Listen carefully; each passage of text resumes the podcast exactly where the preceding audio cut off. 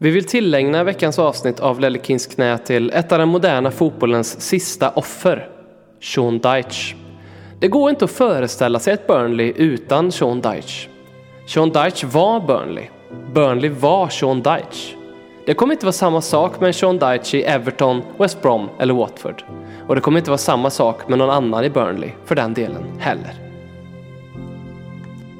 Sean Dyche var den gamla skolans sista utpost. Den siste mohikanen, om ni så vill. Även om han själv avskyr alla frisyrer på samma sätt som han tycker att alla formationer förutom 4-4-2 är äckliga. På ett möte i London hos FA så blev han serverad en cappuccino.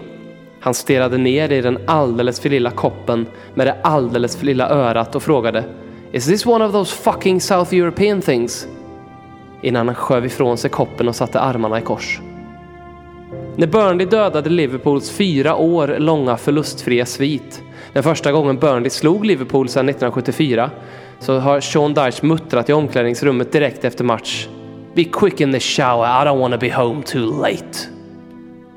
På träningsanläggningen, när hans assisterande möter honom på morgonen med ett Good morning, så svarar alltid Sean Dyche What the fuck are you on, drugs? Och när Sean Dyche mötte Brighton och träffade Graham Potter för första gången så frågade han Graham Potter Could you please make sure all the water bottles are filled up before the game? Sean Dyche har sett lika många Champions League-matcher som det finns älgar på Mauritius. En gång när Sean Dyche tvingades att spela Trivial Pursuit då fick han frågan vilket världens största land var. Vilket han svarade It's either Sovjet or Africa. Många egensinniga men älskvärdiga saker med Sean Deitch så är ändå det mest talande att han aldrig någonsin tittat på ett fotografi föreställande sig självt. Eller det att han aldrig förstått sig på konceptet Halloween. Ibland vill Sean Deitch titta på Youtube och då ber han sina barn hjälpa honom surfa in på the video page och sen så kollar han på Stoke highlights, tackles and throw-ins. När hans son en gång försökte förklara Fantasy Premier League för honom så avbröt Sean Dyche honom barskt med orden Why would anyone ever want to spend their time on that bollocks? En gång dömde Sean Dyche en fotbollsmatch. Han gav bara ett gult kort. Och det tilldelade han en spelare som hämtade en motorsåg och sågade sönder motståndarens ben till köttslams. Sean Dyche är mannen som äter ett äpple i tre tuggor. Sean Deitch är mannen som alltid torkar av sig på sina byxor. Sean Deitch är mannen som tror att rakade könsorgan har med något sjukdomstillstånd att göra och inte fåfänga. Och när Sean Deitchs dotter smsade “Dad, I'm pregnant” så svarade han “OK” snedstreck “Dad”. Ledekins knä vill minnas Sean Deitch och utlyser härmed på obestämd tid framöver den 15 april långfredagen som en internationell sorgedag till minne av Sean Dyche, den moderna fotbollens sista offer.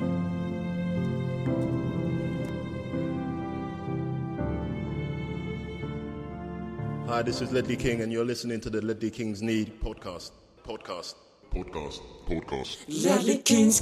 Konsekvent, inkonsekvent Det bästa som någonsin hänt. Du kommer aldrig bli dig själv igen min vän. Här flödar hybrisen. När vi poddar på nytt igen. Du kommer aldrig bli dig själv igen min vän Lika träffsäkert som en ukrainsk luftvärnsrobot har du rattat in Ledley Kings knä, den värmländska radioteatern om liljevit överlägsenhet. Varmt välkommen till ännu ett avsnitt, ännu en vecka av den skärseld som livet som Tottenham-supporter ändå är. Robin heter jag och vid min sida idag har jag lika trogen som prins Philip, den irländske pedagogen som jublade högt igår när Lamela gjorde mål för Sevilla. Jag pratar om mannen som delar initialer med Brian May från Queen. Hur har påsken varit, BM? Eh, Påsken eh, började ju sådär. Eh, Påmindes om vår Herre och Frälsare Jesus lidelse när han dog för människans synder. Där. Det var ju matchen mot Brighton då givetvis. Men Mm. likt högtiden i sig så reste sig ju jag och alla Lamena-Bulmare med mig när Frälsaren återuppstod här passande nog eh, lite, för, lite för tidigt, något tidigare än man skulle men ändå alltid vid rätt tillfälle när Lamela såg ut att eh, frälsa Sevilla mot Real Madrid. Tyvärr så förlorade de ju matchen ändå men det är ju alla andra spelares fel. Ja, såg du bilderna på Bale i omklädningsrummet efteråt? Det gjorde jag faktiskt inte.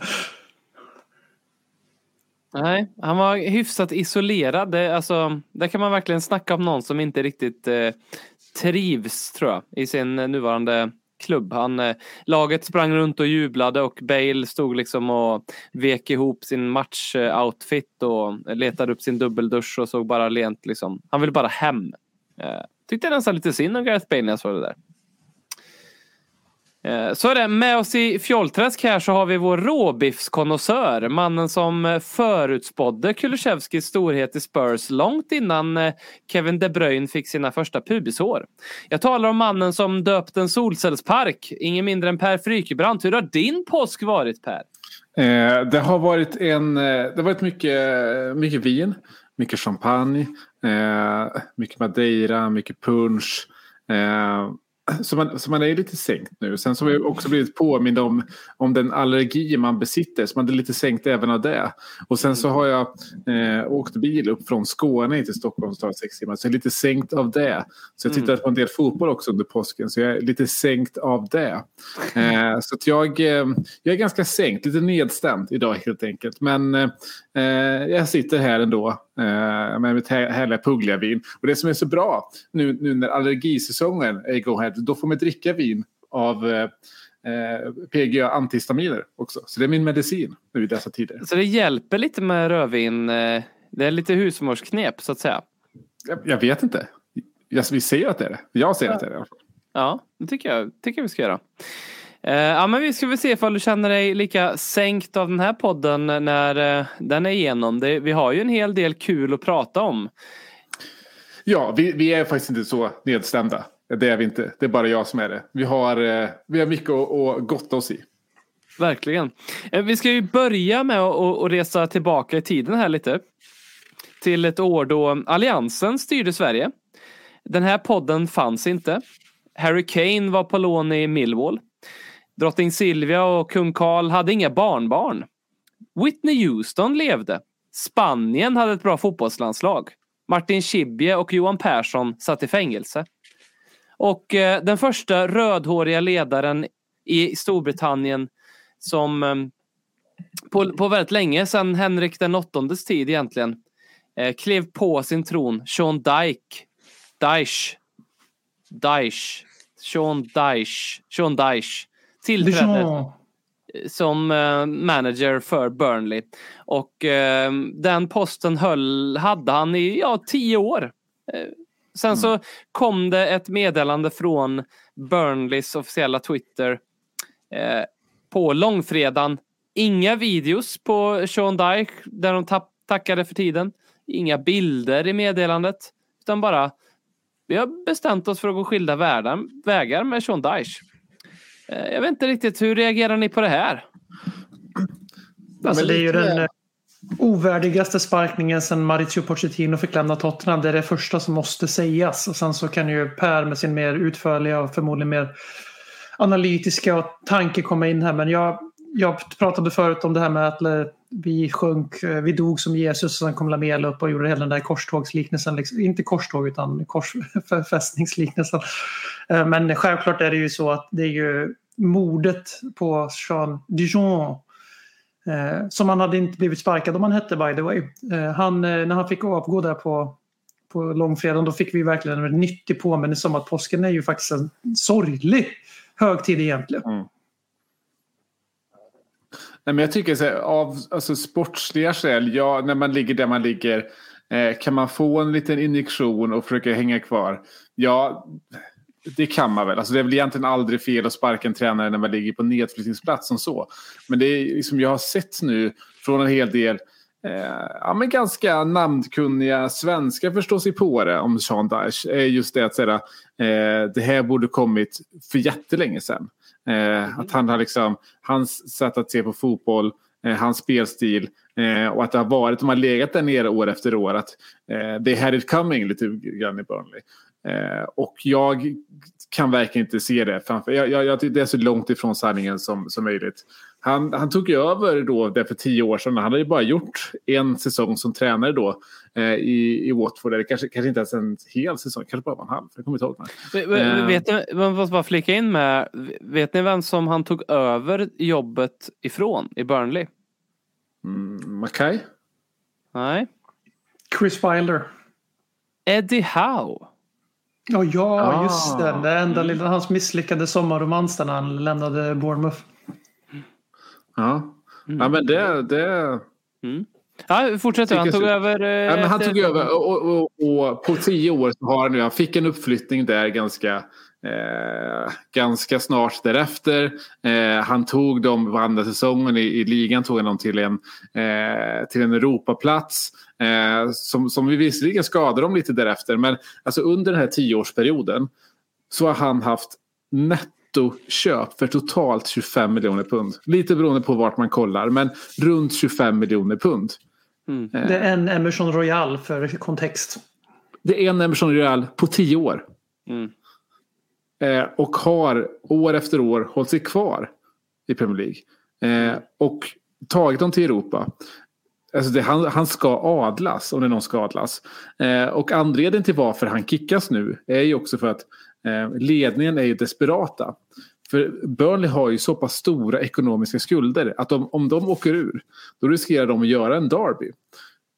Och så, så att det här liksom, han, det, man måste ha, ha det med i beräkningen för att förstå hur mycket Sean Dyche har gjort med så pass lite. Mm. Så med det säger jag tror att nästa klubb som, eh, som får det, det skulle vara kul ändå att se honom gå till en klubb som inte är helt jävla panka. Alltså som har ändå en hyfsad budget. Men om de åker ut så är det kört för dem också.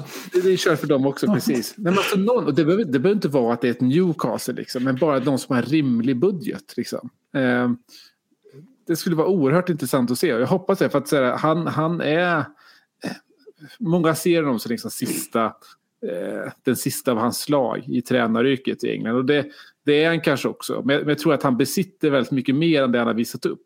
Det måste han göra med tanke på hur mycket han har gjort med så pass lite över tio år. Så, eh, så kanske kan det här ändå bli, leda till någon form av upprättelse för Sean Dyche. Han är, han är ju lite utav en, så här, eh, lite utav en meme, lite utav ett hån. Eh, lite så Neil Warnock-aktigt. Det hade varit kul om man tog över ett, ja, säg att Graham Potter går till ett Arsenal. Eh, Sean Dyche tar över, Bris- eller tar över Brighton. Eh, och bara utvecklar det tiki-taka-spelet. Tar dem till Europa. Eller nedmontera det och göra 4-4-2 av skiten och bara liksom. Här ska Ja. vi inte liksom. Här ska inte komma någon kukurella med någon afro och spela på vänsterkanten. Nej, nej, nej, nej. Vart är Evans och Wood och Charlie Adam? Men, men som är det, han, han, ska ha, han, ska ha sin, han ska ha sin app- applåd, Sean Dyche. Och att de åker ur, det är liksom ingenting på, eh, på Sean Dyche, tycker jag. Eh, sen så tycker jag att folk kanske snackar lite väl mycket skit om den truppen de har fått till slut. Där med, med, med Corné och lite sånt. Det finns ju lite roligt där i. Eh, och med Knil och liknande. Men, men det är inte tillräckligt för att, eh, för att hänga kvar. Nej, verkligen inte. Ludvig Backman undrade vad han har för sig om dagarna nu när, ehm, när han har fått kicken. Och det vet vi ju lite out of character. Nu satte Per lite vinet, Puglia-vin i halsen. Jag gjorde detsamma här precis. Eh, Vi vet vad Sean Dyke gör nu för tiden för att eh, lite out of character så såg vi en, en bild från en eh, supporter i eh, Burnley som träffade han eh, på väg ut eh, på krogen. Det är i och för sig kanske inte är out of character. Kanske precis vad Noll man procent out of character skulle jag säga. precis vad man förväntar sig i och för sig. Eh, av han att han ska gå och ta samma gamla vanliga järn som under tiden han var tränare. Det enda som var lite out of character var att man såg att han... Eh, man stod där med ett liksom leende på läpparna, lite avslappnad, en, en eh, vit tvättad t-shirt. Eh, och det, så det, det var jag lite besviken på. Kanske. Att han såg så pass ren ut i pubsammanhang. Mm. Och eh, vi, då måste vi minnas en, om jag ändå får prata out of character, Sean Dyche. Eh, minns ni presskonferensen under coviden när han pratade om lookalikes? Eh, när en eh, Nej. journalist frågade honom, du, du måste fått höra någon gång att du är lik den och den. Jag kommer inte ihåg vem det var, men det var någon B-kändis i något band. Eller, och, och man tänker att när en journalist ställer en sån fråga till Sean Dyche så, så får man, man bara svaret no. Och sen så är det inget mer. Eh, men det fick man ju inte, utan fick man ju en lång utläggning på fem minuter när Sean Dyche sitter och pratar om hur mycket han tycker om att eh, leka, som han säger då, lucky likey leken med sina polare på puben och även när han är med familjen på semester. När man liksom kan se någon, kolla han, nu måste alla hitta varsin lookalike inne på det här stället. Pratade John Dyche väldigt öppenhjärtligt eh, och, och, och, och frodigt och frejdigt om. Um, och eh, jag tror det var någon journalist som sa det också, typ eh, ja det kanske inte var frågan du förväntade dig att få idag och, och, och på vilket Sean Dyche också svarade väldigt bra. Så, äh, men vad fan om ni kastar en oseriös fråga till mig då kommer jag underhålla lite och köra den. Vi, må, vi måste ha lite kul nu under pandemin. Eh, vilket ju ändå liksom man älskar ju Sean Dyche för det även om man tycker att det kanske är lite utanför hans karaktär. Och, eh, Nej, men alltså, tvärtom där också tycker jag. För så här, är, är det, någon, det känns ju verkligen som att han besitter ju roliga publiklekar. Alltså, Mm. Jag kan inte en enda. Men det känns som att han har, liksom, han har, han har 10-15 stycken uppe i Mm. rockärmen där. Mm. Så tycker jag helt in character det här också. Jag Han, han har ett starkare partytryck än Ledley också, det vet man ju. På Ja, lång verkligen, liksom, att han har ett starkare partytryck. Jag skulle verkligen vilja se någon nu som bara man, man använder den här tiden som man har arbetslös. Jag tror inte han kommer vara arbetslös jättelänge. Men att man använder den tiden till att göra någon liten Netflix-dokumentär eller liknande. Eller YouTube-dokumentär. Eh, och eh, eh bara, bara följer han hans publiv och liksom lite liknande. För jag tror att han sitter, besitter väldigt mycket livsvisdomar. Mm. Verkligen. Han är den typen av livscoach man vill ha när det bara eh, handlar om att man behöver inse vilken jävla idiot man har varit och bara behöver ta tag i sitt liv. Eh, då tror jag att han kan komma med de där riktiga där bara, men fan, fan skärp dig bara. Gå upp klockan 05.30 nu och lös det här bara. Köp Ja, han, kanske, han, kanske, han kanske blir en sån där um, eh, liksom, Instagram-inspiratör nu. Så den här göteborgaren, han... Ja, vad han nu heter. Gentlemanscoachen. Gentlemanscoachen, exakt. Ja, kan, det. det, kan, Ja. kan det vara Sean Dice framtid här de kommande månaderna? De är inte helt olika. How, good it is to see you there and uh, it's uh, good to see me here. Eller vad är det han säger? Det är Exakt, kul. Han har en oerhört raspig röst också, Sean Dyche. Alltså han, han låter ju så som när man ser Conte skrika en hel match så tänker man att han måste skrika sönder sina stämband.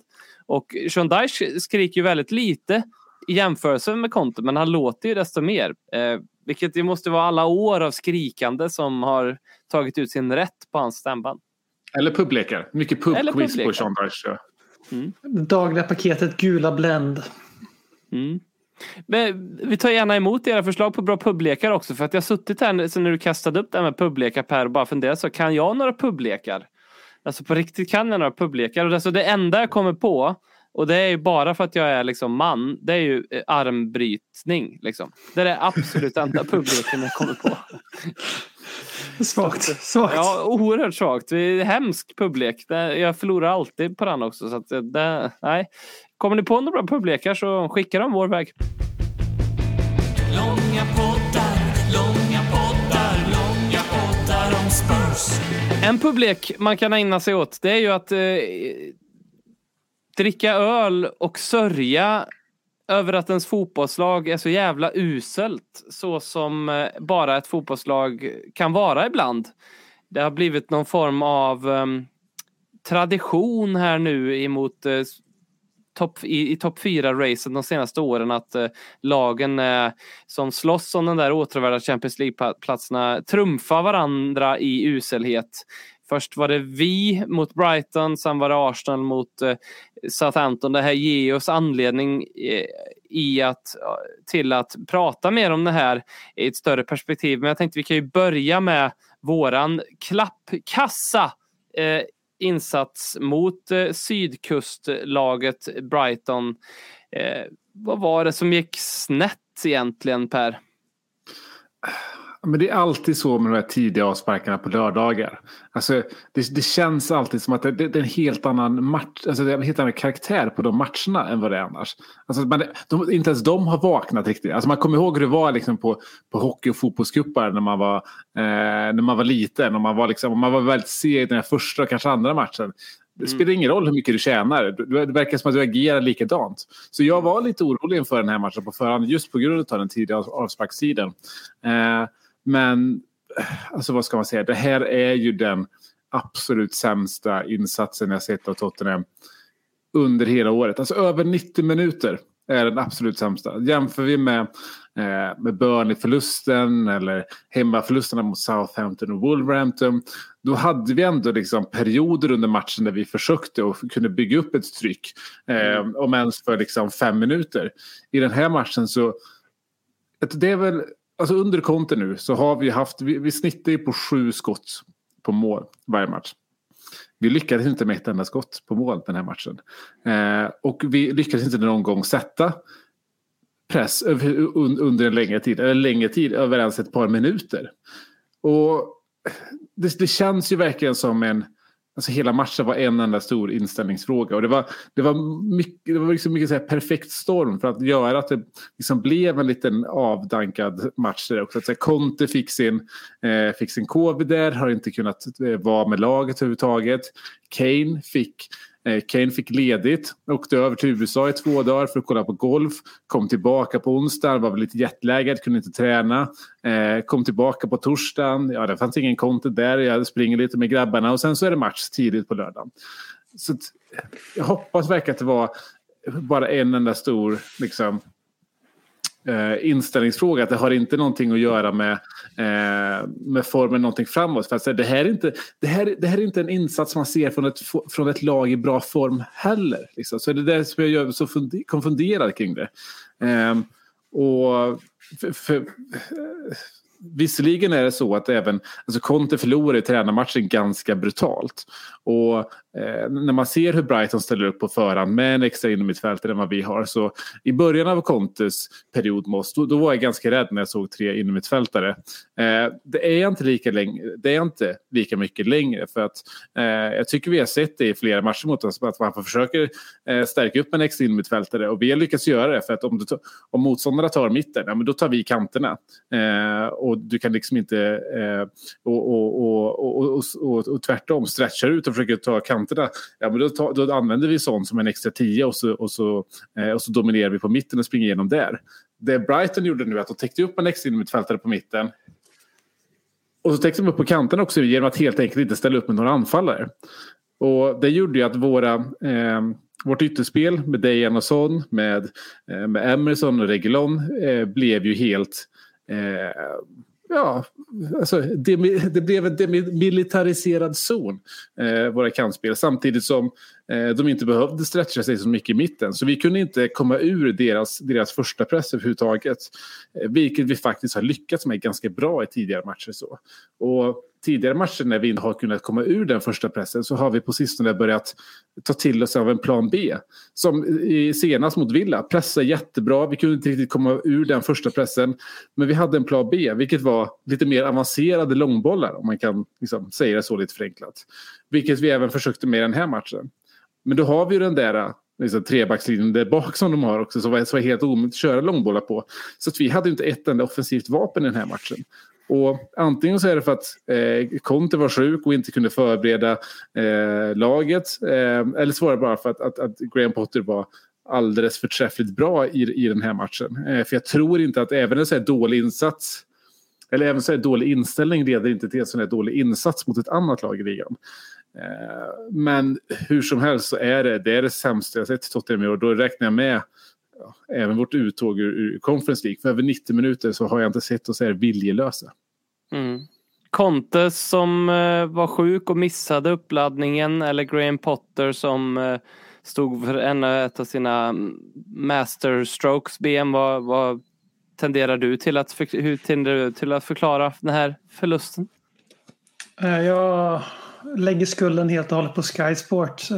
Värdigt en Liverpool-supporter som jag såg någon tweet där att jag tror det var Kane som tackade Sky för att han fick åka på den här Masters i USA och titta på golf istället för att förbereda sig för en match. Och vi, det finns ett visst mönster här nu med golf, Sky och Harry Kane och dåliga konsekvenser för Tottenham. Eh, Så jag känner vi får inte lämna den här podcasten utan att i sann Liverpool eller LFC-podden Aunda eh, pekar ut någon konspiration mot Tottenham. Eh, Vem var det som smittade Antonio Conte med covid? Hur vet vi att det inte var någon utskickad från Sky? Vi vet att deras matchreporter på matchen innan inte hade covid och såg extra noga till att hångla med Conte eller att spotta honom i ansiktet eller vad han nu gjorde? Det känns som att Conte skulle uppskatta en bra loska i ansiktet. Eh, så vi börjar där. Men eh, sen är det ju som Per var inne på att Ja, alltså Conte var inte med på träningsanläggningen men jag tror inte det gör jättestor skillnad om nu inte Conte är en sån som går runt på träningsplan och pausar var tredje sekund och berättar vad folk ska stå och hur de ska springa, vilket jag kan tänka mig att han faktiskt är. Eh, med tanke på att han eh, står och dirigerar våra ytterbackar hur de ska kasta in kast i en och en halv minut i andra halvlek mot Brighton. Eh, det var ju parodiskt mellan matchminut 55 till 75 där när vi faktiskt hade någon form av tillstymmelse till bollinnehav. Så började ju Brighton maska väldigt strategiskt och vi istället för att öka tempot med dead ball situation så, sprang, så skulle vi ju tvunget byta inkastläggare. Eh, Conte ska stå och berätta för spelaren hur den ska kasta inkastet och liksom så överlag det var bara en bakfyllematch. Eh, och självklart så påverkar det Tottenham väldigt mycket när Antonio Conte inte kan vara Antonio Conte för att han är våra trumfkort i CL-striden och överlag rätt mycket.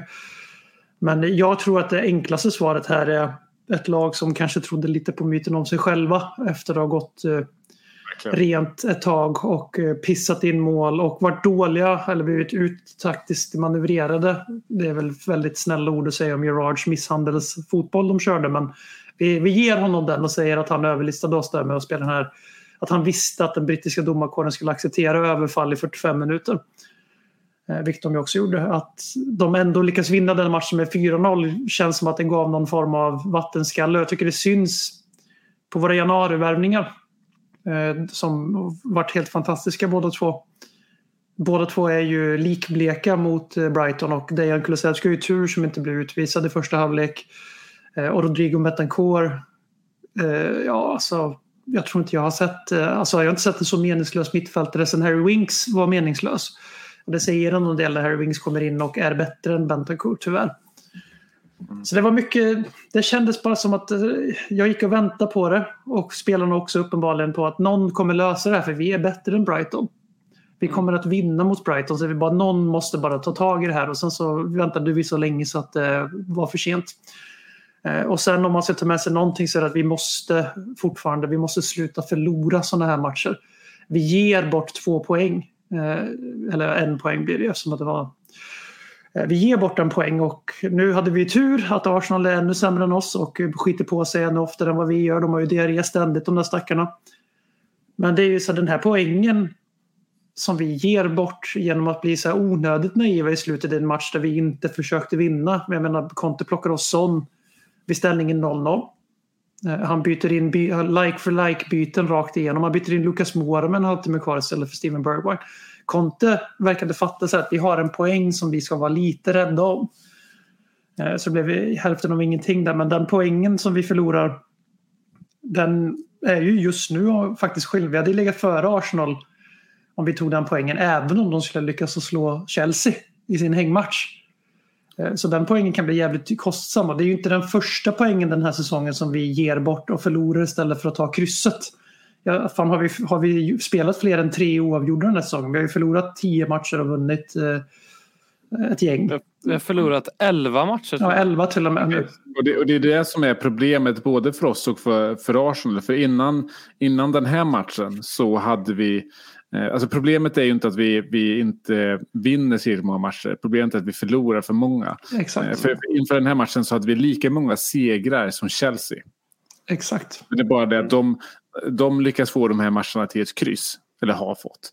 Eh, och för att ja, men det är den här matchen, det är Burley, det är Southampton som vänder i slutet etc. Eh, det, det, är för många förluster som är, som, som är oacceptabla. Okej att de här matcherna går till kryss. Liksom.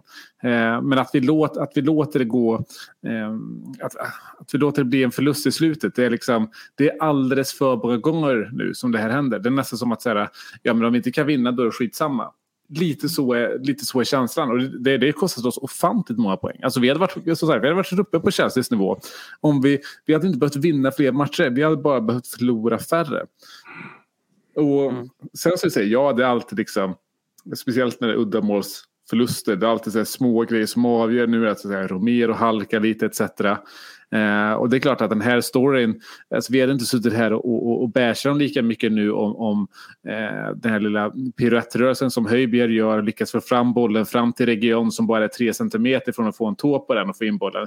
Och hade vi fått det, då hade vi, då hade vi suttit här och sagt att så här, ja, men det är ett styrkebesked att vi, liksom, vi, vi, vi spelar piss, men vi lyckas ändå göra ett klassiskt kontemål. Då har liksom suttit här hyllat, hyllat det istället. Så det, det är alltid väldigt små marginaler. Eh, men det här är inte bara en liksom, sån här förlust nu, utan det är å, verkligen återkommande. Eh, som det gör båda tränarna också. Eller fler än två tränare till och med. Nuno, Nuno var ju i och för sig lite mer överkörningar kanske. Men det, det, det är liksom just det här folk pratar om när de pratar om gelépsyken och sånt i Tottenham. Att vi, folk kan ju inte på riktigt ha trott att vi skulle gå rent liksom från... När började vi våran segersvit efter Manchester United? En till match där vi borde tagit poäng men förlora för att vi blir naiva eller vi, tappar, vi, switchar av i fel, fel sekund eller vad fan det nu är. Liksom. Eh, och eh, det, det, kommer till en punkt där även om man hoppas att vi ska ta tre poäng mot Brighton, det tror jag att det är lite efterhandskonstruktion just eftersom att de andra lagen runt omkring oss lyckades att misslyckas. Förutom United som lyckades slå mäktiga Norwich med 3-2. Men just det här att, att vi inför matchen, jag hade ju inte tagit ett kryss mot Brighton på förhand. Men om man tittar på vårt spelschema, man ser vilken form vi är inne i, då måste man ju själv räkna ut att vi kommer ju inte gå rakt och förlora på Anfield och vinna varenda match förutom Anfield. Så bra är vi inte. Hade vi varit så bra då hade vi varit uppe och slagits med Liverpool och City. Vi är ju ligans tredje bästa lag sedan Conte kom in. Eh, men som Per är inne på, det här med poängen, att vi, det är för många förluster. Det är inte det, alltså problemet är inte att vi inte vinner tillräckligt mycket fotbollsmatcher, att vi aldrig tar poäng. Vi vinner eller förlorar liksom. Eh, och här kände jag lite så att det här var ett kryss som vi lyckades tappa en poäng och eh, det krysset kan bli jävligt dyrt ifall vi till exempel skulle gå in i ett North London Derby där vi måste vinna helt plötsligt istället för att en poäng så är det fortfarande vi som har det i egna händer när vi ska avsluta mot redan degraderade Burnley och Norwich. Eh, för det kommer de att vara båda de lagen när vi möter dem. Framförallt Burnley kommer ju ha brunnit upp för att de sparkade Daesh. Men eh, jag är egentligen inte jättebesviken på Tottenham jag är bara frustrerad över att eh, vi har kommit så långt på så kort tid under Conte men ändå inte. Mm.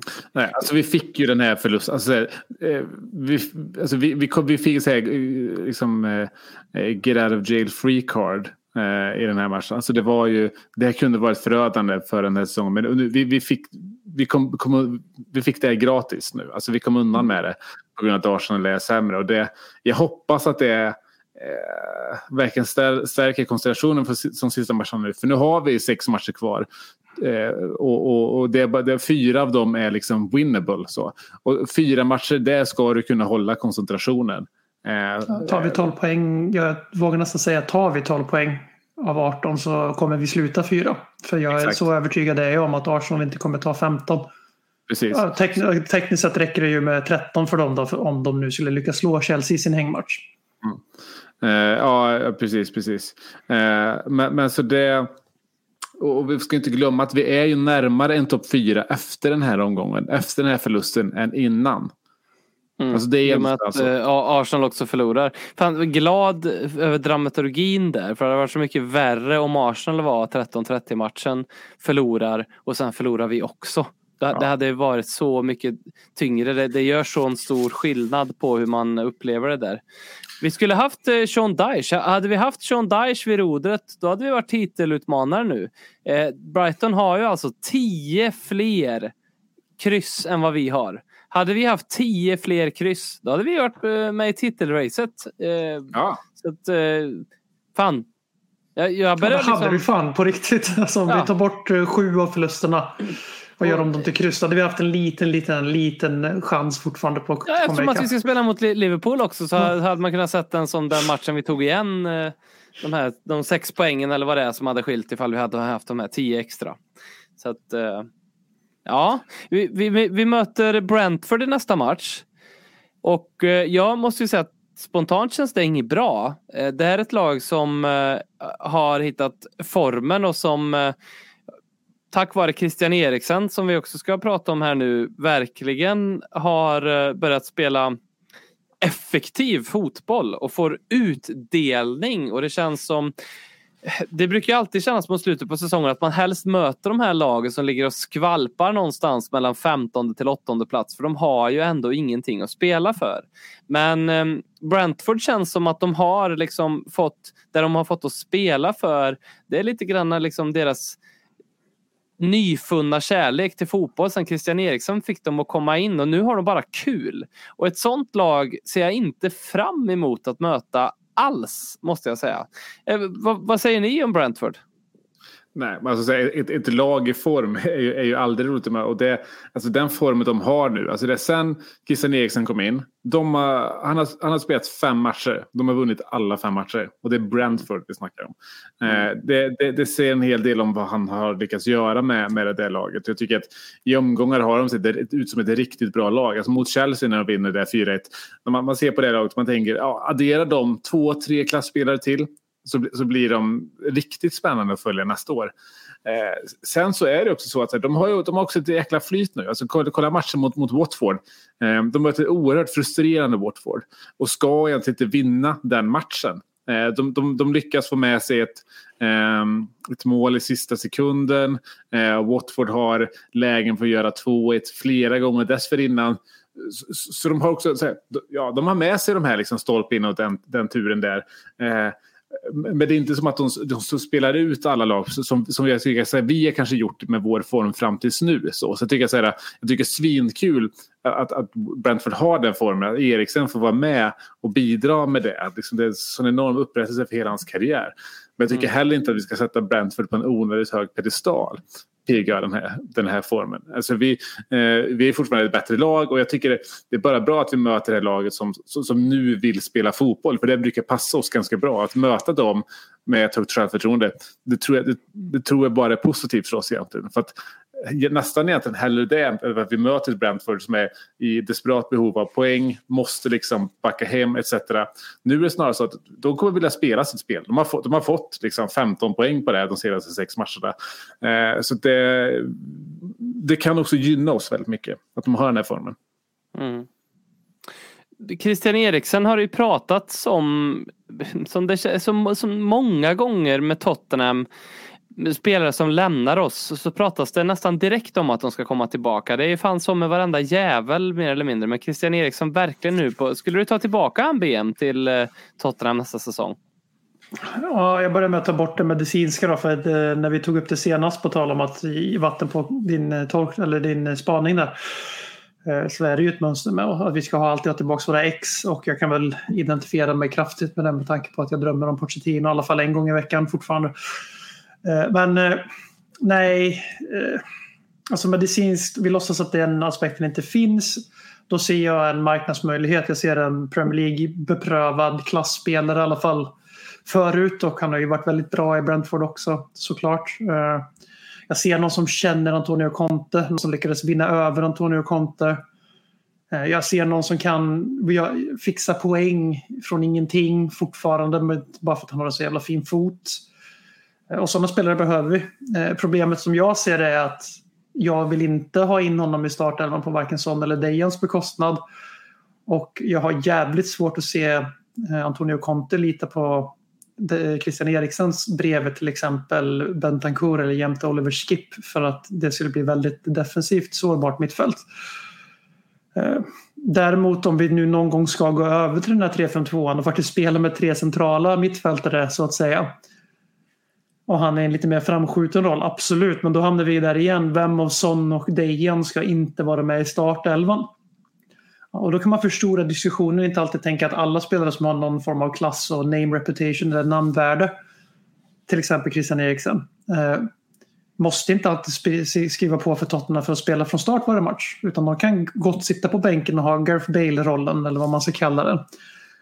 Eh, för vi behöver ha en starkare trupp. Vi behöver, ha, vi behöver vara i ett läge när vi möter ett Brighton och svårt att bryta ner dem och få ingenting att funka. Då ska inte första bytet vara Lucas Moura. Det är ju nästa steg om vi ska vara seriösa nästa säsong med Antonio Conte. Och i en sån roll då ser jag jättegärna Christian Eriksen. Eh, men motfrågan på det är varför skulle han som har fått tillbaka sitt liv och sin fotbollskarriär på köpet då. Men just det här liksom att han fick tillbaka sitt liv. Så han var, han, han var på andra sidan och vände. Varför skulle han vilja kasta bort de sista åren på fotbollsplan som han har kämpat så hårt för att komma tillbaks till? För att sitta på bänken. Men Jag har svårt att se att han inte kan få ett, en garanterad startplats i ett lag som är kanske inte riktigt på vår hylla. Eh, beroende på hur den här säsongen slutar nu. För blir vi sjua absolut, men blir vi fyra så ja. Eh, så jag vet inte, jag ser det inte riktigt eh, hända. Och jag är lite för rationell som människa i grund och botten för att säga, ställa mig bakom Christian Eriksen tillbaka till Spurs. Jag tror inte det kommer bli så. Men det finns något väldigt starkt i den meningen du höll på att säga där som, en, som jag ändå hörde dig säga. Varför skulle en människa som har nästan förlorat sitt liv, fått det tillbaka, skulle vilja gå tillbaka till Tottenham? Alltså, jag, jag, jag, höll på, jag tänkte säga exakt det. det är någonting liksom så här. Ja, skulle jag liksom precis med nöd och näppe slippa undan en bilkrasch här nu kanske jag skulle liksom Ja, i mitt nya liv så ska jag skita i att följa Spurs. Och det, så, så, jag, liksom så, jag skulle jättegärna vilja ta tillbaka Eriksson måste jag faktiskt säga. Eh, för att jag tycker att eh, just eh, marknadsmässigt så verkar det som att vi skulle kunna få han till en utan att det skär några jättestora hål i vår eh, plånbok. Så att det skulle kunna vara smart så. Jag vet inte vad han har för lönekrav riktigt men det känns väl ändå som att det borde inte vara några problem överhuvudtaget. Inga övergångssummor där i alla fall.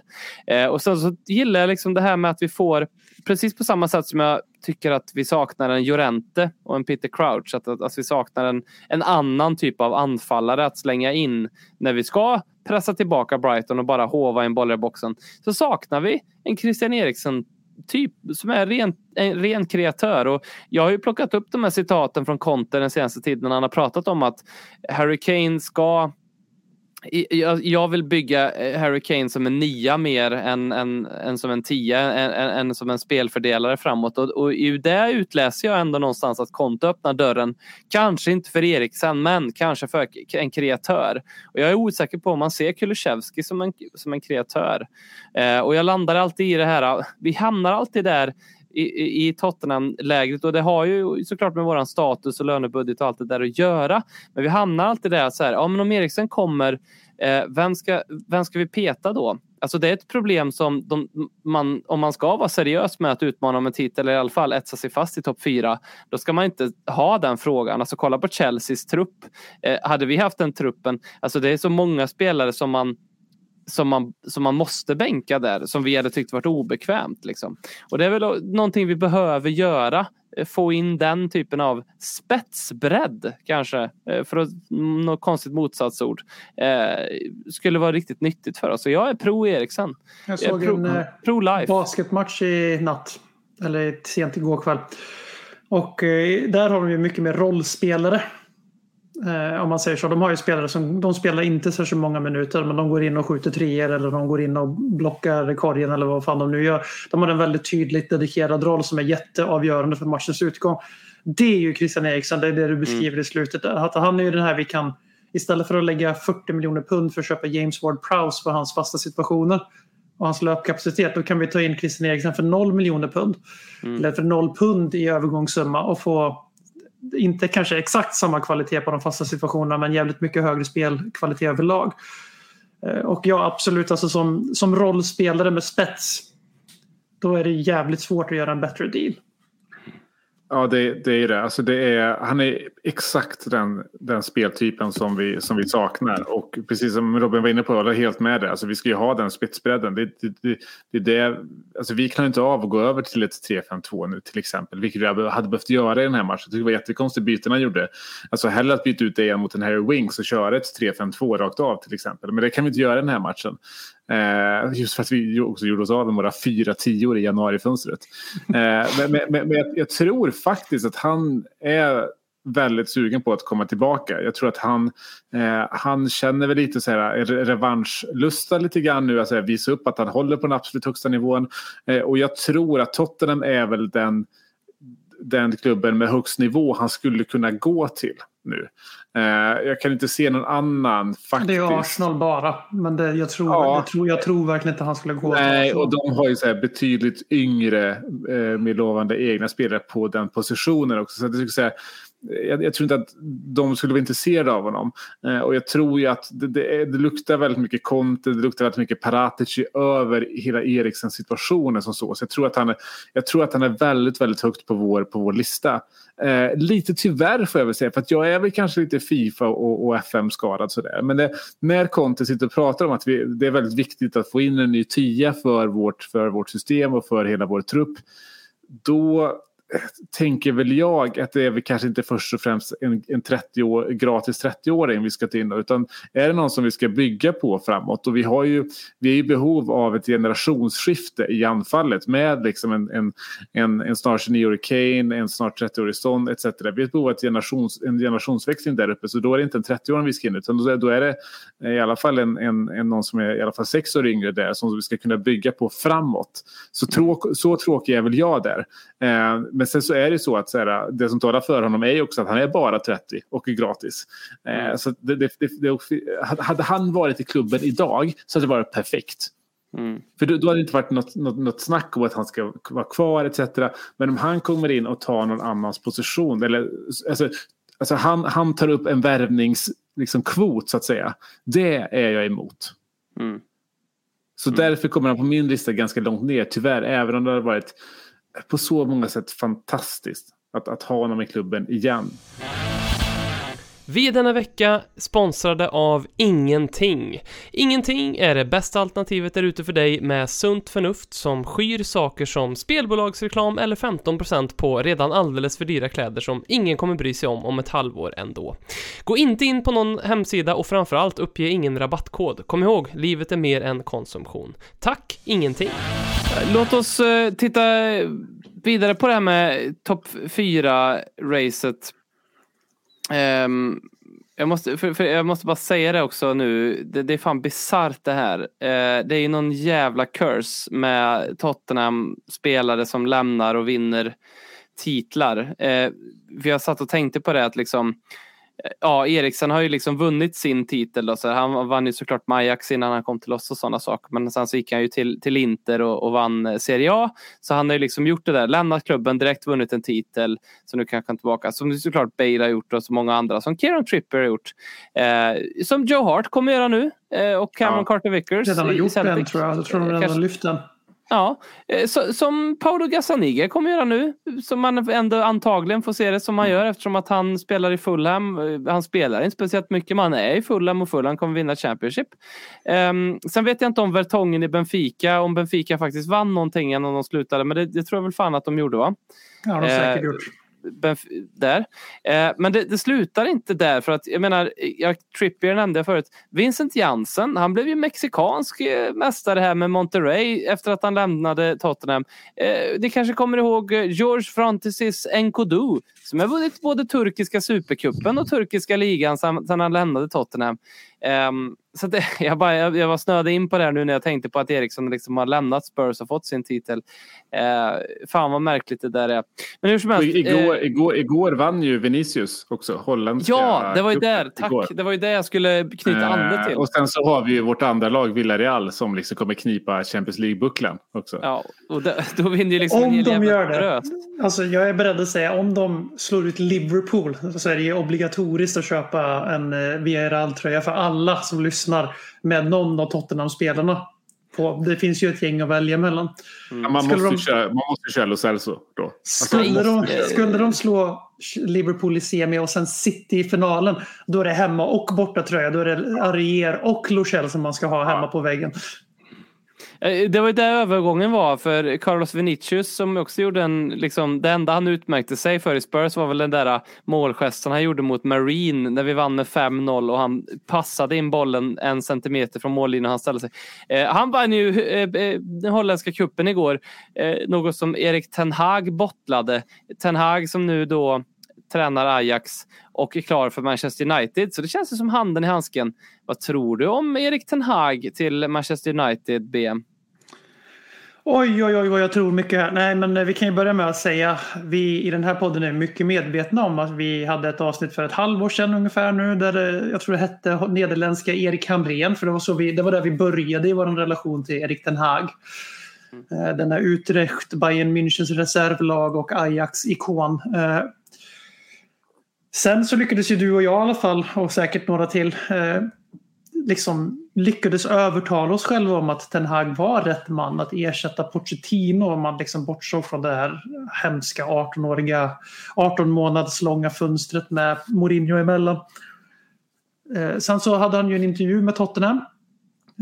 Och eh, sen går det ju väldigt spridda budskap där det både sagts att han tackar nej till Tottenham.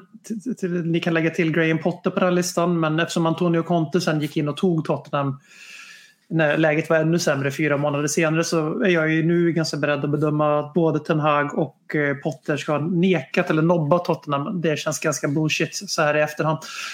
Gick det inte rykten om att eh, Tottenham tyckte att han pratade för dålig engelska? Jo, exakt det jag skulle säga. Och även det här att han var för att han hade för bland eller för intetsägande personlighet. Han hade inte personligheten för ett stort för omklädningsrummet eller vad fan. Det var mycket så här, båda sidorna läckte uppenbarligen. Så Ragnik Solskär, han är perfekt för Manchester United. Ja, och eh, på mer än ett sätt för att eh, det är ju också så här att eh, den här killen är ju, vi pratade om honom, då pratade vi om det här liksom och då måste vi kommer vi börja bygga om på rätt sätt. Vi var ju väldigt, vi var ju väldigt positiva till framförallt Graham Potter men sen Erik Ten Hag för att det är ju den typen av tränare vi snackar, alltså en klubbbyggare, en filosof, en tänkare som är nöjd med liksom lite snävare budgetar och bla bla bla. Eh, Inom viss mån. Det, till saken här bör sägas att Ten Hag alltså tränar ett lag som är lika överlägset i Nederländerna ekonomiskt som PSG i stort sett är i liga. Inte riktigt för PSG har obegränsade resurser som de är ett statlag. Eh, men Ajax är mer än två gånger så stora ekonomiskt som deras eh, rivaler som är främst PSV men även Feyenoord vissa år. Eller Feyenoord som Erik Niva hade sagt. Så det här är ju en kille som, jag absolut, han bygger fina, spännande, unga, lovande lag på grund av holländska ligans status i hierarkin. Men egentligen så är ju det här en kille som får gå in i den bästa, finaste märkesbutiken i den delen av fotbollsvärlden och plocka ut de bästa guldkornen och sen bygga ett lag som vinner ligan som han ska göra. Eh, och ju, han är ju också plockad från Ajax-skolan. De har en otroligt funktionell och vältrimmad eh, eh, sportslig ledning även om de fick sparka Arsenal-legendaren Mark Overmars för sexuella närmanden mot anställda tror jag det var. Eh, allegedly. Jag vet att han avgick för att han hade betett sig olämpligt. Jag kommer inte ihåg exakt vad det olämpliga var så därför lade jag till allegedly. Fan vad efternamnet Overmars låter som sexuell överträdelse. Eh. Overmars. Ja, men det betyder ju det på holländska. Det är ett konstigt språk. Men man hör ju vad vissa saker betyder Overmars. ändå. Du, du, eh, du haft in det Sloterdijk de Overmars geschafft. Nej, men, vart var vi? Ten vet, du vet bara att man är i truppen. Ten Hag-koppling här. Där. Ni får lista ut den själva. Nej, att, eh, han kommer från en välhållen maskin och nu kommer han till Manchester United som är så långt ifrån en välhållen maskin man kan vara. Vi snackar om en klubb som tog in en av Europas kanske främsta klubbyggare även om det är en koncern tyvärr i Red Bull. Jag tar in honom som tränare vilket han inte hade varit på tio år. Eh, Och sen ger honom någon låtsasroll där han ska få vara kvar i en konsultroll i två år efter det här interimgigget.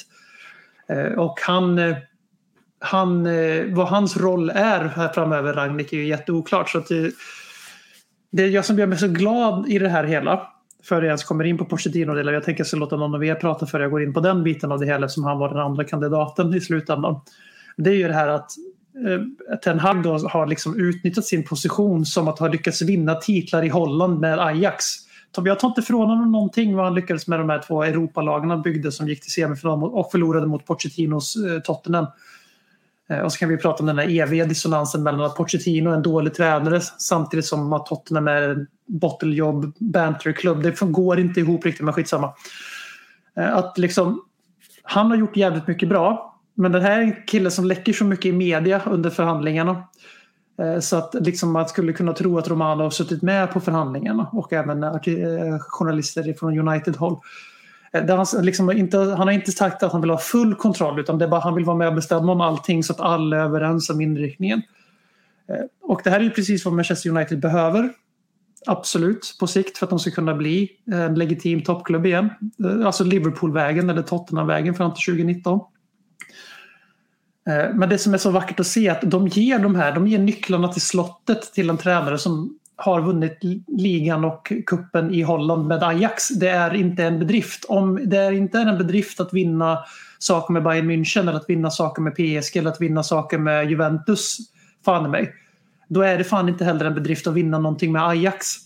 Och den här killen tar man då in för att rädda Manchester United.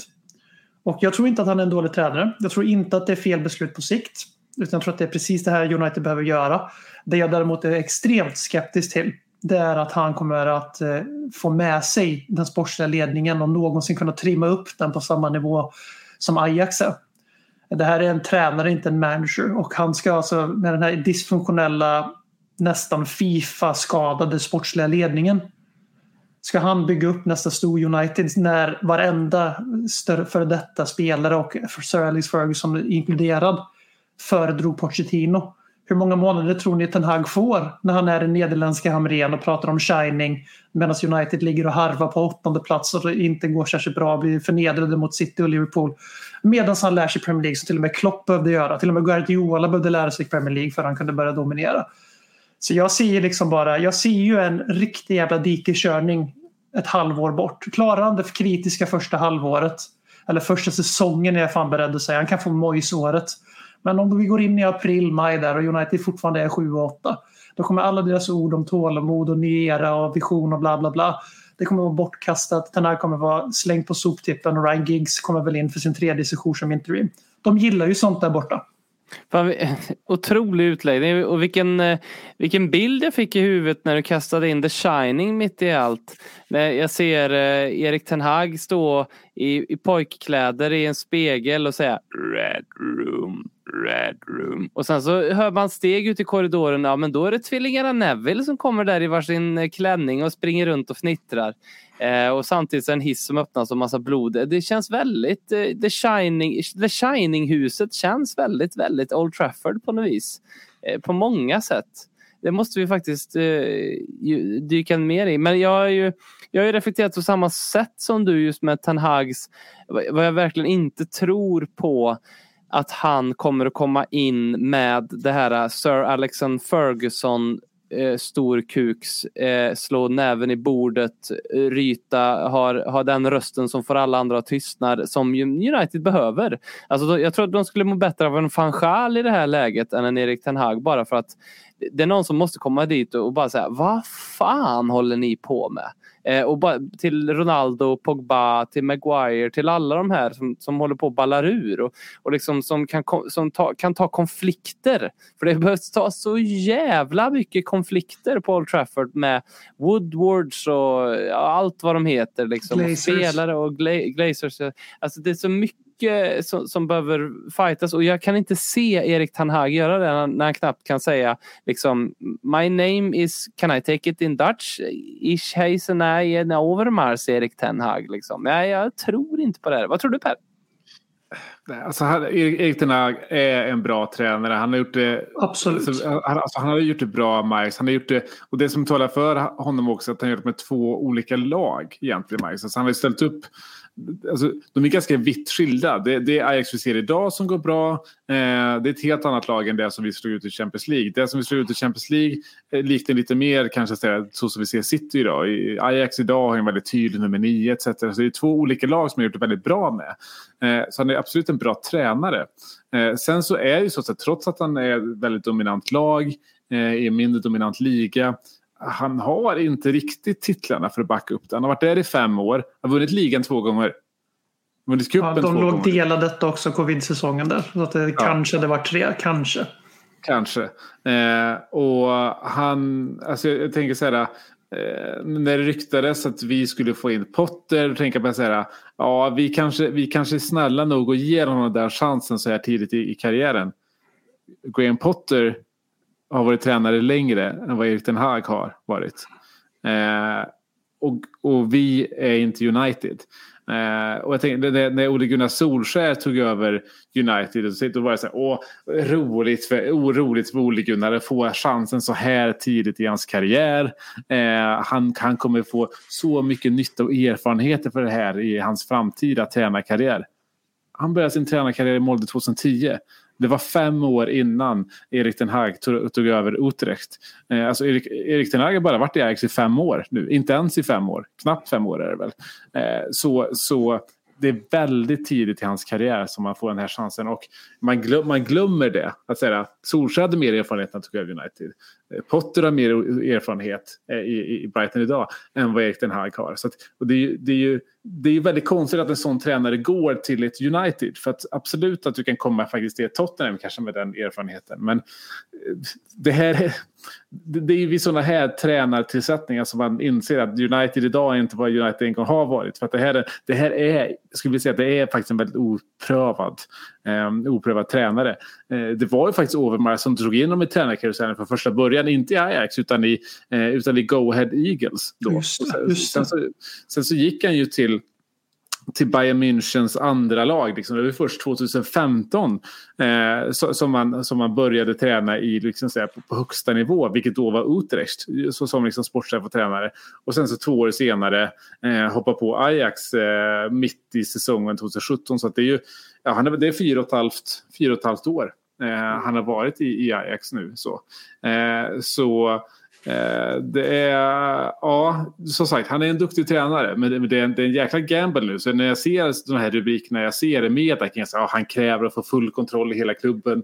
Så han, ska, han, ska, han ska styra världens största klubb med järnhand. Alltså, jag tror inte en sekund på det. För varför skulle man göra det till en person som inte ens har fem år i Ajax? Ja, och ett, av de, ett av de narrativen där också, för ett av narrativen varför det inte blir Pochettino är att från United-supportrar här är jag liksom noggrant, jag har lusläst deras Reddit, jag har till och med hashtag sökt Ten Hag och Pochettino United liksom bara för att se vad deras supportrar faktiskt tycker om det här. Ett av narrativen de har lyckats skapa fram här det är att Pochettino är en alldeles för mycket av en yes man. Så att han hade liksom inte gjort samma revolution i Manchester United som Erik Ten Hag tänker att göra. Och då, det, det jag, första jag tänker på då är ju att det här är ju Manchester Uniteds ledning som har lyckats lura sina fans något enormt med en jättepopulistisk anställning. De tar in det unga sexiga namnet. Det måste man göra ibland. Det är, man måste gambla. Jag håller med Per, alltså, det här är en skitduktig tränare. Eh, vi, vi ville ha något till Tottenham för ett halvår sedan. Det är inte det som är grejen.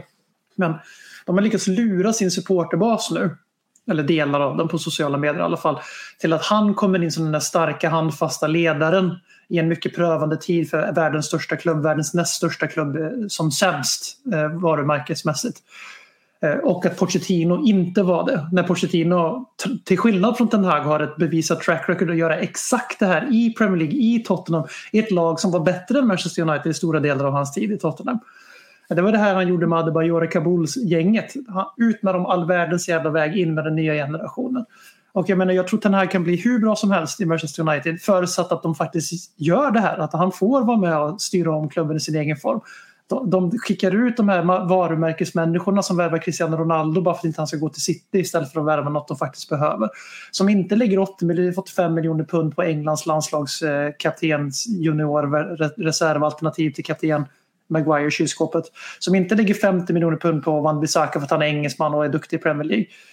Jag har lite svårt att se de här två bilderna av Manchester United bara över en sommar merchas. Och det är som Per säger så jävla fint. Det här är en enorm gamble för misslyckas Ten Hag då, det, alltså vi pratade om att Arsenal inte är en av de stora klubbarna i England längre och Tottenham är fortfarande inte inne i finrummet enligt de snobbiga fansen som håller på Liverpool och United. Men när fanns vi började diskutera huruvida United är en av de klubbarna ifall det här inte lyckas. För det här är en kille som kommer med fyra och ett halvt år i Ajax in i världens största klubb. Hur mycket längre ner i chansningslådan kan de gå om, om två år ifall det här går åt helvete? Det, Ja, det, men- det, men det- jag ser alltså- riktigt. Nej, men alltså, det, det är ju det. Det, är för, då- det finns ju inga andra alternativ här. Liksom det, det är ju Pochettino eller, eller, ehm, eller Ten Hag. Och, och det, det, jag har också sett det där med att säga, ja, men Pochettino är mer av en yes man, eh, Ten Hag är mer av en no man. Jo, men det är för att han har, han har varit tränare i fyra och ett halvt år i Ajax. Han har inte haft tid att säga yes till någonting än. Och han har varit i världens mest välskötta klubb kanske. Inte Ajax-modellen är ganska etablerad och har varit ganska länge. Exakt. Så att säga, jag, jag köper inte det argumentet för, för fem öre.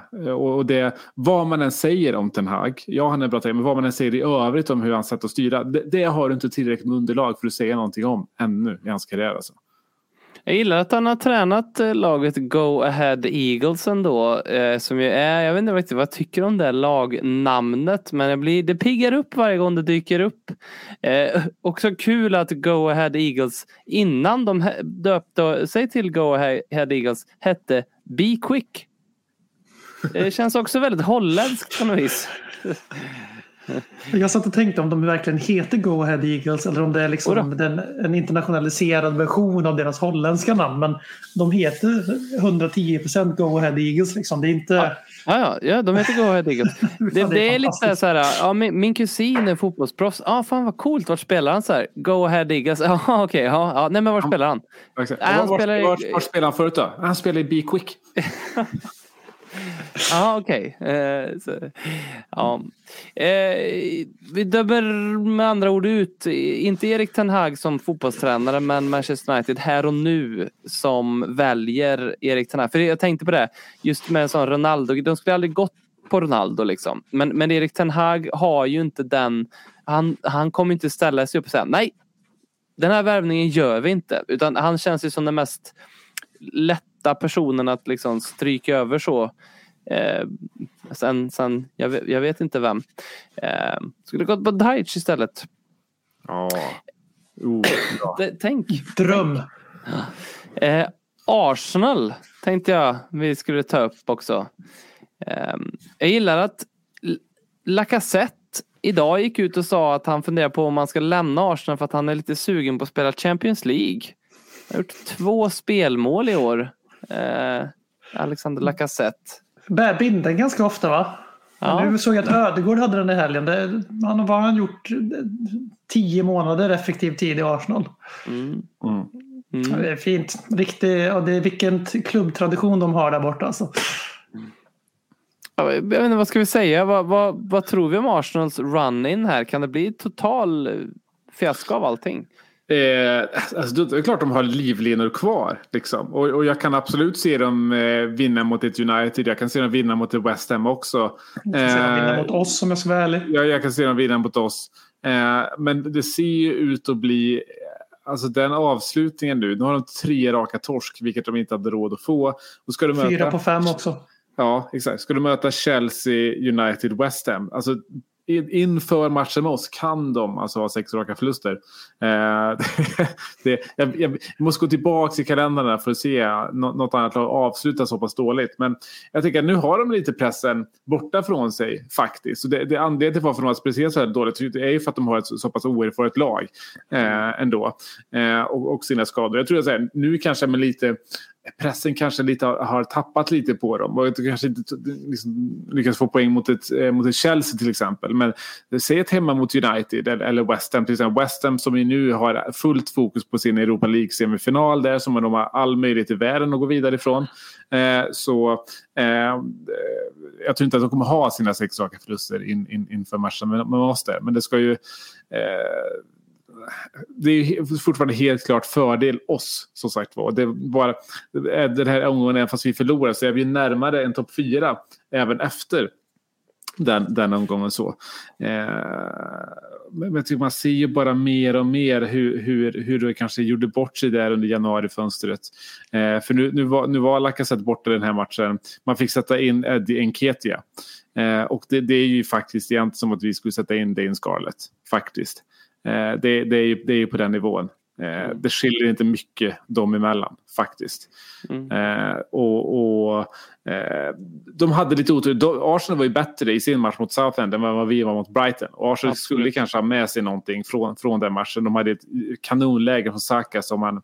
Jag vet inte, jag vet inte hur han missar det egentligen. Det är ett dåligt avslut där. i. Eh, men... Det går, alltså, de, har ju, de, de har ju haft svårt, på grund av att de är ett så pass oerfaret lag också, de har ju svårt att ta sig ur sina trender. Liksom.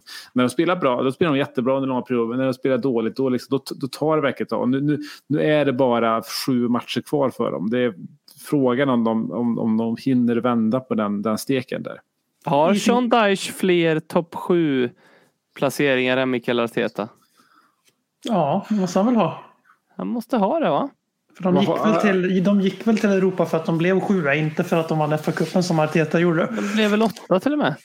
Ja, ja, Arteta har blivit åtta två gånger, ja yes. Ja, ja du menar Burnley ja, precis. Mm. Ja. Nej, men jag tänkte säga om Arsenal. Är, är det så? Det är, det är, det är fantastiskt. Det är ju fruktansvärt roligt. i deras konsekventa inte inkonsekventhet, eh, alltså Arsenal som har skamlöst stulit våran tagline, så har de ju faktiskt haft en gemensam nämnare hela säsongen det är att de har inte vunnit särskilt många matcher mot resterande topp 8. De har vunnit men de hade ju båda in- in- gångerna exakt. och de slog oss när vi hade Nuno Mm, i fritt fall. Eh, och eh, nu har de de möter Leeds också för att de spelar mot oss. Men de, det, är alltså, det är fyra matcher här nu, som, eller fem matcher då, eh, på rak arm här, där fyra av lagen är topp 8. Och alla, förutom eventuellt Chelsea får man väl lov att säga. Och Leeds, Leeds kommer kanske fortfarande spela för kontraktet. Alltså jag, jag skulle bli förvånad. Jag brukar ändå ha en historia att vara lite för hög på Arsenal. Jag kommer ihåg förra säsongen, eller i början av förra säsongen, eller om det var till och med förra, förra nu, när jag sa i ett klipp som blev förevigat på sociala medier när jag sa att Arsenal är den enda reella, reella utmanaren till tredjeplatsen. När vi då skulle bli trea. Jag tror att vi slutade sju av de åtta den säsongen, om det var förra året. Eh, så jag har överskattat Arsenal förut och då känns det som en dödsdom nu att jag inte gör det längre. Men att gå in med den formen och den flowet de hade när de flög upp i tabellen och liksom gjorde fjärdeplatsen så jävla bergsäker, cementerad. Eh, och vi pratar om att bottla saker. Liksom. Det går inte att komma ifrån att det är det Arsenal håller på att göra helt spektakulärt här. Eh, jämför man formtabellen, vi har vunnit fyra av de senaste fem. Och de har förlorat fyra av de senaste fem och vi ligger nu på samma poäng som dem. Om de slår Chelsea, annars ligger vi tre poäng före dem efter 32 omgångar. Det är alltså, vi tar igen, vi har tagit 12 av 15 och de har tagit, de har tagit 3 av 15. Och de, i det här läget. Och det känns, alltså om de då skulle liksom lyckas rycka upp sig och ta fjärdeplatsen då är det bara att applådera. För att då är de det laget som är bäst på att vara konsekvent inkonsekventa, vilket är topp 4-racet nu för tiden. Men jag tittar knappt på Arsenal längre utan jag tittar på Manchester United och ser ett lag som blev tvåa trots att i och för sig främst för att Liverpool hade en, en osedvanligt dålig säsong. Eh, jag ser ett lag som värvade för miljarder efter det. Jag ser ett lag som på papper har absolut ingen ursäkt att bli sämre än trea i Premier League. Alltså det är fan hårfint om de skulle bli eh, trea ens. Om man ska vara krass om man kollar på hur dyr den truppen är och hur mycket de har spenderat och investerat i den. Och de är trots allt bara tre poäng bakom oss. Och jag skulle säga att det är fan United som är det stora hotet om fjärdeplatsen snarare än Arsenal. Eh, och den 23 om en vecka drygt, då kan det vara eller om en vecka ungefär, då kan det ju vara tvärtom. Då kan det ju vara Manchester United som ligger på fjärde plats och har allt i egna händer. För att de har ju mött Arsenal då. Eh, och vi förhoppningsvis inte har förlorat mot Brentford då. Men det är, Arsenal har, de har lyckats och skita på sig spektakulärt. Och med tanke på vad deras tränare gör för uttalanden Robin så är det väl inte jättekonstigt att förstå. För du kan väl förklara vad, hur han ser på fotbollsmatcher. Ja, jag blev väldigt eh, konfunderad men jag älskar ju när sånt här kommer. För det finns ju inget jag, annat jag gillar. Och, eh, förutom när det kommer till fotboll att Tottenham vinner. Så att se Arsenal bajsa på sig och sen deras tränare göra knepiga saker. Det, det är liksom det som är det, det, är det bästa. Eh, och Mikael Arteta efter matchen mot Southampton som de förlorade med 1-0. If somebody didn't know the score and is watching the game and asks who won the game they will say that Arsenal won it comfortably. But it's not the case. Så att det han menar är alltså, det är någon som inte vet vad det står i matchen som frågar vad står det i matchen? Då kommer den personen tro att Arsenal leder. Eh, Så, så då- i, det här, I det här exemplets fall så är det alltså någon som har en tejpremsa precis där scoreboarden alltid är när man tittar Ja, på precis. fotboll. Annars Vad hände med målet som Southampton gjorde Arteta? Tänkte du liksom att den personen inte skulle fatta att det blev mål? Och är det här att Arteta tror att är det kryss då har vi vunnit en match? För det skulle förklara en hel del med tanke på det firande de stod för när de kryssade hemma mot Crystal Palace med 2-2. Det kanske är så att Mikael Arteta tror att ett kryss är en seger. Det skulle förklara väldigt mycket. Jag skulle vilja vara med i rummet när någon berättar för Mikael Arteta du vet att det är ett kryss och det är ett poäng va? Det skulle vara jättekul att se. Um, alltså det här, eh, det här skrott, det här käkade jag upp gott eh, när han sa sådär faktiskt. Måste jag säga.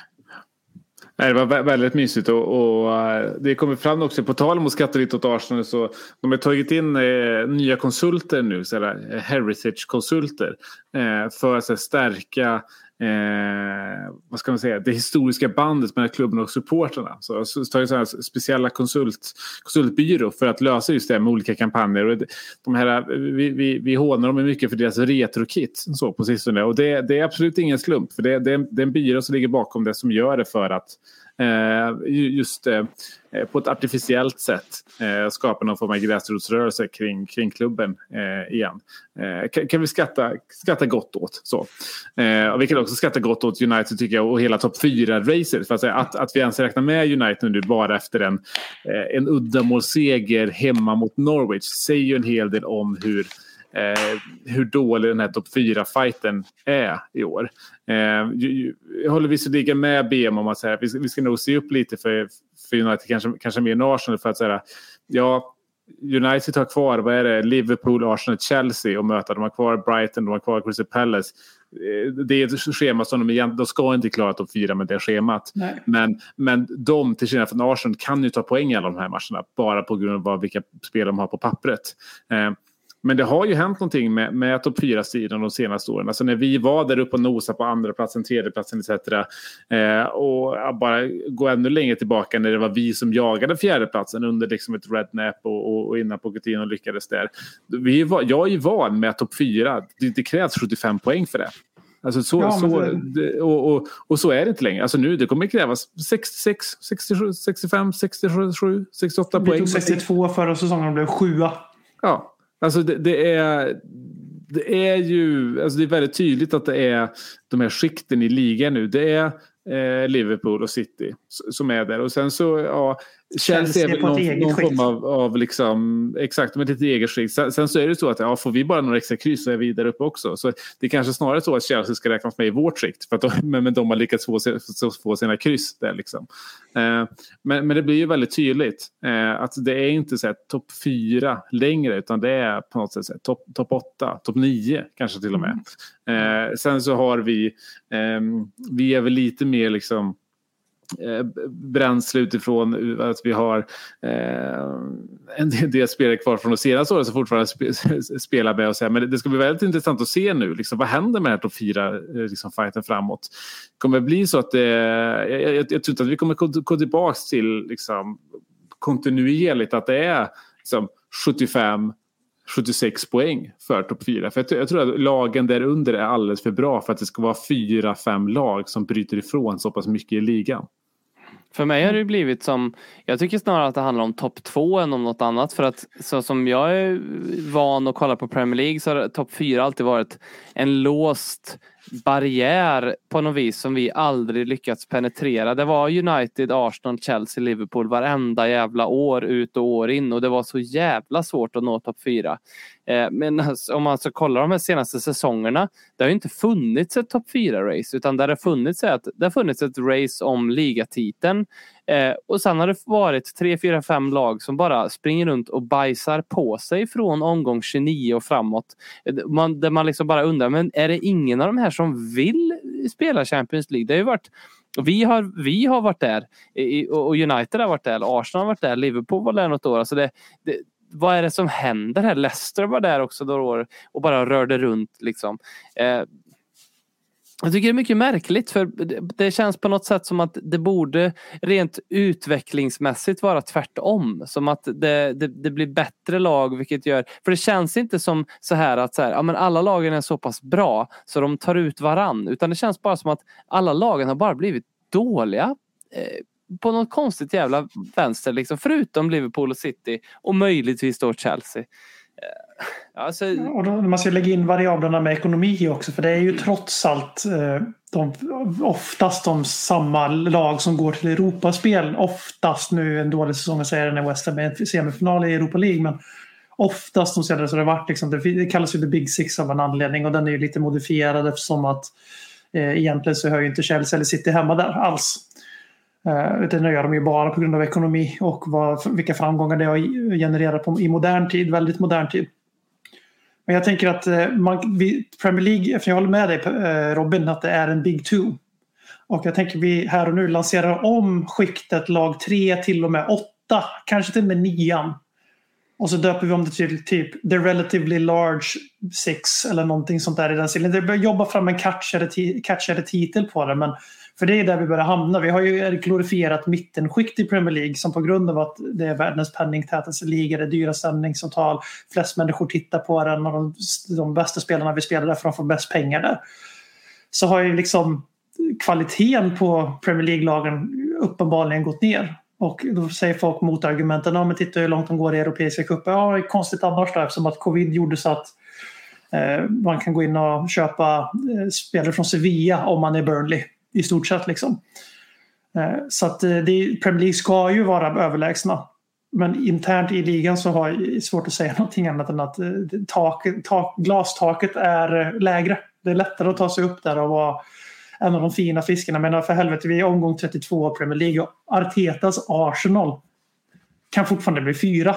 Manchester United med, som haft Ole Gunnar Solskjaer och Ralf Ragnik från pensionen som tränare hela säsongen kan fortfarande bli fyra. Tottenham som hade Nuno som tränare en tredjedel av säsongen bytte till en extremt krävande och taktiskt avancerad tränare som gjorde, gjorde om allt från grunden utan ett transferfönster för flera månader in.